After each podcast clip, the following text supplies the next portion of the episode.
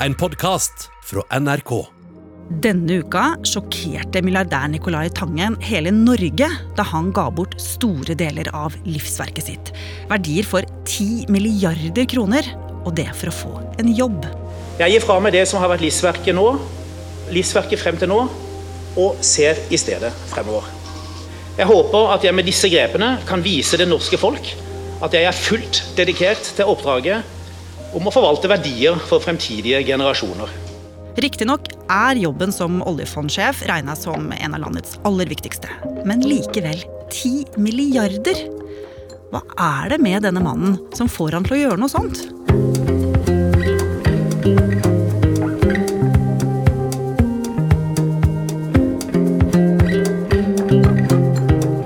Du hører på Oppdatert. Jeg heter Ragna Nordenborg.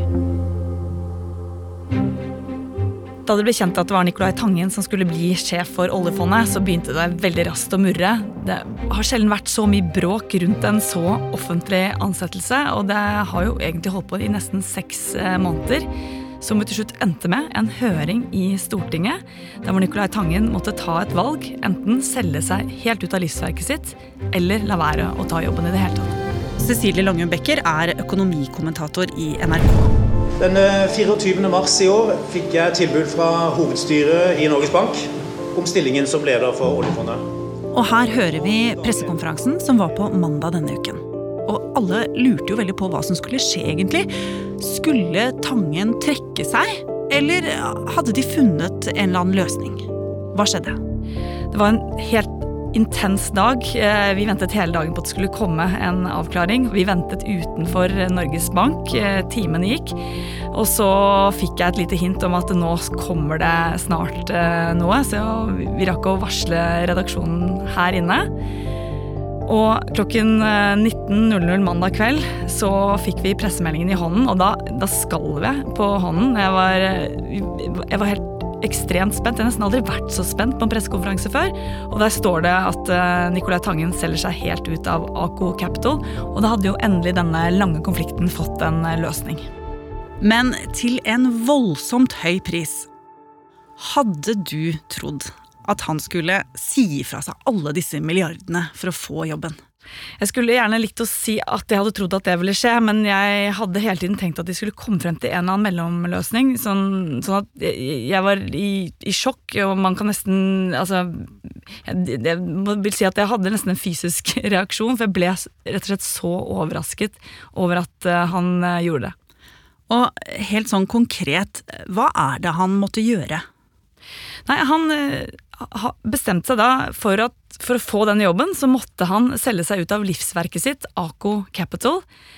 Gi det til en veldedig stiftelse. Og det vil si da at han har gitt bort 10 milliarder kroner for å kunne starte i jobben som sjef for det norske oljefondet, der hvor man tjener godt under 10 millioner kroner i året. Og hvis vi runder det litt opp da, til 10 millioner kroner i året, si at Nicolai Tangen får det som oljefondsjef, da har han gitt fra seg lønn 1000 år. Ja, det er en helt enorm sum. Men hva er det med denne oljefondsjefjobben som får han til å gjøre alt dette? Altså Jobben går jo ut på å forvalte, da, som man sier, disse 10 000 milliardene vi har på bok. Plassere de rundt omkring i verden.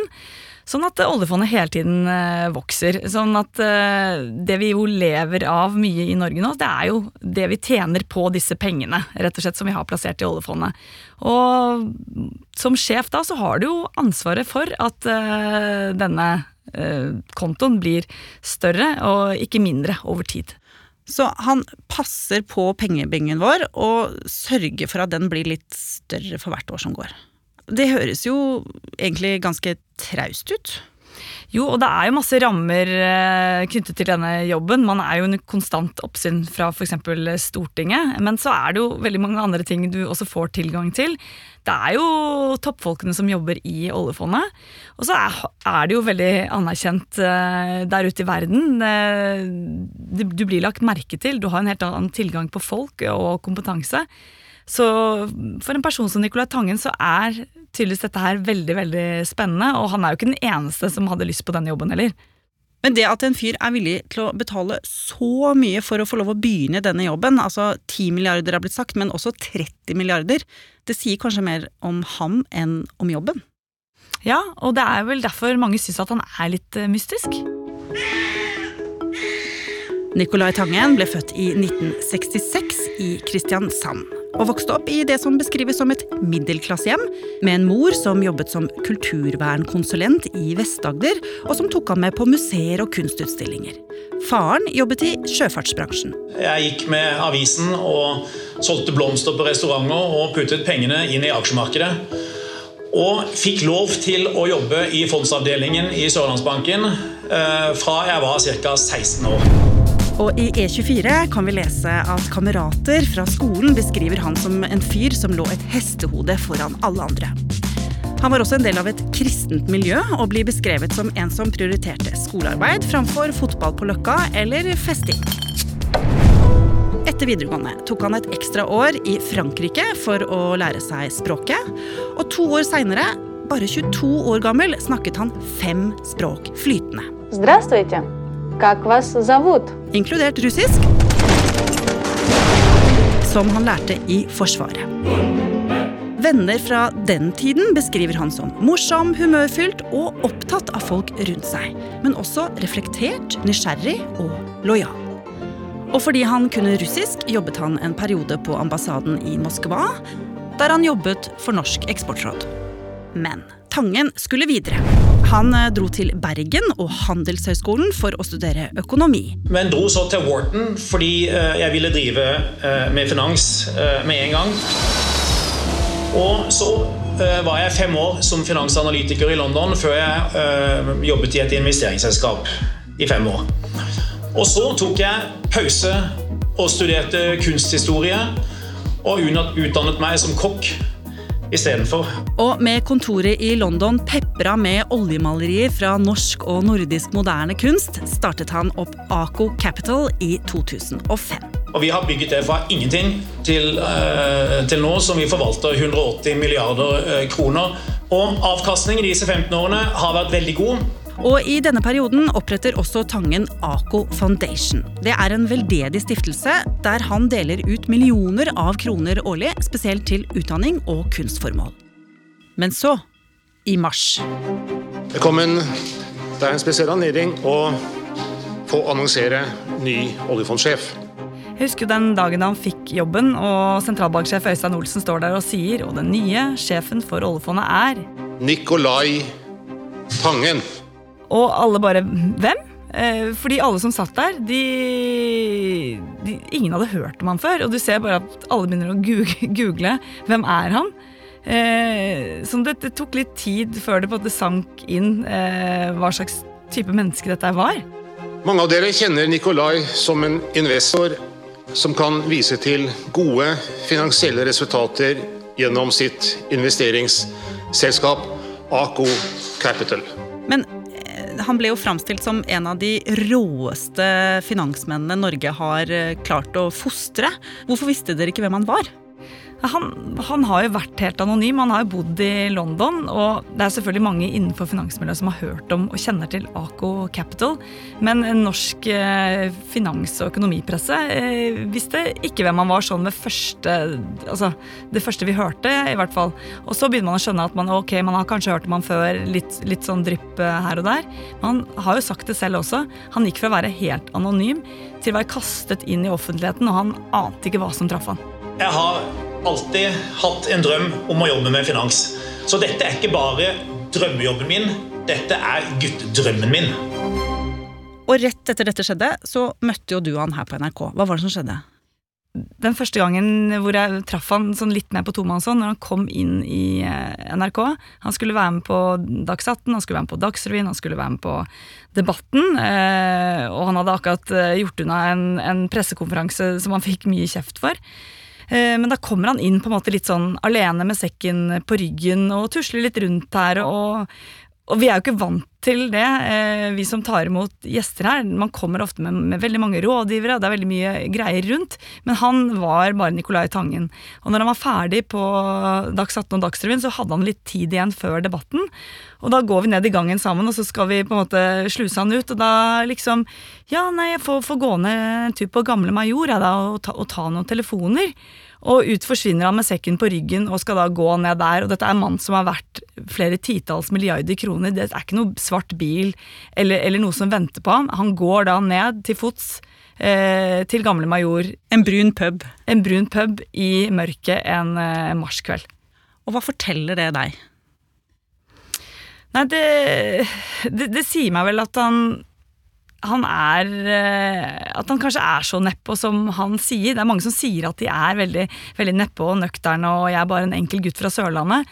Men, eh, men han, han, han, fremstår jo genuin, og han, han, er kanskje ikke så opptatt av alt det rundt. Og det, alt det materielle eh, betyr kanskje ikke så mye for han. Og det er vel kanskje akkurat det som gjør at vi blir så nysgjerrige på han, at han er så mystisk. Men likevel, Cecilie, altså for veldig kort tid siden så var dette en fyr som var god for flere titalls milliarder kroner. Hvordan kan han ikke være så opptatt av penger? Men det, det, er jo også sånn at når man kommer til et visst nivå, så er jo alt det over eh, nesten ubetydelig når man har så mye penger. Og det er jo litt det som han sier selv, det er jo begrenset hvor mange pizzaer man kan spise, liksom. Eh, og igjen, da kan man si det er begrenset hvor mange hus du kan kjøpe, hvor mange fly du kan fly. Sånn at, sånn at han har jo da valgt, da, å heller eh, prøve å skape noe med de pengene gjennom f.eks. disse veldedige stiftelsene. Og han sa jo også helt i begynnelsen at uh, han syntes at det hadde vært helt fint med 100 arveavgift. Med andre ord at uh, egentlig så har ikke barn godt av å, å, arve penger i det hele tatt, for de må bygge seg opp eh, fra start selv. Så det sier jo litt noe om hans eh, filosofi, da. Så hva er det som har motivert ham? Han, han, har jo hele tiden søkt kunnskap gjennom livet. Han har, han har kokkeutdanning, han har kunstutdanning, han har gått Forsvarets russiskkurs. Så han, han, jobber på en litt annen måte enn, enn kanskje de tradisjonelle finansgutta som, eh, som, som, man liker å sammenligne han med. Han bruker litt andre metoder også i Aco Capital. Han analyserer f.eks. språk, som vel ikke er så vanlig å gjøre. Og han drives veldig sånn fremover av prosesser å skape og gjøre nye ting. Og det er vel kanskje det som også ligger litt i bunnen når han nå skal ta denne oljefondsjefjobben. Og når jeg tenker meg om, så er det jo veldig mange i hans kategori superrike næringslivstopper som gir bort, altså filantropi, det å gi bort pengene sine, er jo på mote, kan man jo nesten tenke. Er det rett og slett bare vi, da, vanlige lønnsmottakere eller folk som ikke tjener i nærheten av det han har tjent, som på en måte ikke helt har begrep om hva formue kan være? Ja, og, og, vi vanlige, vi er jo vi, vi, tenker jo Eller mange av oss tenker kanskje på hvis jeg vinner 200 millioner i Lotto, det første jeg skal gjøre er å si opp jobben min. Hvis du spør folk, så er det veldig mange som svarer det, og så skal de ta den fisketuren eller gå Norge på langs, eller de skal eh, gjøre et eller annet de har drømt om. Eh, og man tenker hvorfor gjør ikke han bare det? Hvorfor setter han seg ikke ned og, og slapper av litt? Eh, men, men han, han, vil tydeligvis ikke det. Han er kanskje den ene prosenten da, som, som, ikke har lyst til å gjøre det. Nei, altså det er, jo, eh, det er jo eh, ganske alvorlige ting jeg gjør med min egen private økonomi her. Men det smerter på lommeboka? Nei, det gjør smerte og smerte. Altså eh, Vi har jo alle våre prioriteringer. og som jeg sa på den første pressekonferansen i mars, at det er jo liksom begrenset hvor mange pizzaer du kan spise. Så jeg vil jo ikke akkurat si at det er så veldig smertefullt, men det er klart det er jo mye penger. Her sier han det jo selv, så dette begynner jo å gi mening. Ja, men det smerter han også litt å gi bort eh, formuen sin. og han prøvde jo i det lengste å beholde disse eierandelene, og det sa han jo litt om på mandag. Ja, jeg tror Hvis du hadde fortalt meg i desember at eh, det var dette som eh, skulle til, så hadde jeg nok ikke søkt på den jobben, nei. Altså, da hadde jeg nok ikke tatt de intervjuene, nei. Um, det hadde jeg ikke gjort. Men jeg må jo si uh, det, det, å bli kjent med organisasjonen her og ha alle de um, samtalene jeg har hatt med de ansatte her, og sett hvor, uh, hvor, fantastisk den organisasjonen er og hvor mye flinke mennesker det er, har jo gjort at jeg har mer lyst på jobben uh, nå enn jeg hadde tidligere i år. Og 1.9 så starter Tangen i jobben som oljefondsjef. Og han har jo da fått det som han vil. Han har fått drømmejobben sin. Men for meg og deg, Cecilie, og alle i Norge, har det noe å si at det er akkurat Nicolai Tangen som nå går inn som sjef i oljefondet? Nettopp der treffer du noe veldig interessant. For det er jo mange som mener at det kanskje er litt voldsomt at vi skal ha Nicolai Tangen som oljefondsjef, fordi det rett og slett ikke er nødvendig med en så eh, overkvalifisert nesten eh, type. Eh, fordi det er ikke sikkert at det har så mye å si akkurat hvem som sitter på toppen der. Nettopp pga. hvordan oljefondet styres. For det er jo mange rammer, og i praksis så er det jo mange som mener at dette her er mer et indeksfond enn et aktivt forvaltet fond. Altså et, et fond, et indeksfond, som like så godt en datamaskin kunne gjort? Ja, nettopp. Og i tillegg så har man jo veldig mye føringer fra, fra, Stortinget, fra offentligheten, om hvordan man skal gjøre det. Så det er ikke bare fritt frem å gjøre akkurat som man eh, vil. sånn man er også ganske bundet i den rollen. Men da skjønner jeg enda mindre av hvorfor han vil ha den jobben. Greit at du sier fra deg milliarder hvis du har muligheten til å påvirke og endre, men hvis han ikke kan gjøre det engang, hvorfor? Det er jo det som er det kanskje store mysteriet. Men det kan jo hende at han har en eller annen form for plan. Eh, han er jo en visjonær type. Kanskje han har en eller annen idé om hvordan han skal forme og utvikle oljefondet. Så det kan jo hende at når vi ser tilbake eh, på oljefondet om ti år, at eh, han har endret det totalt, og at det ser helt annerledes ut. Men det vil jo bare tiden vise.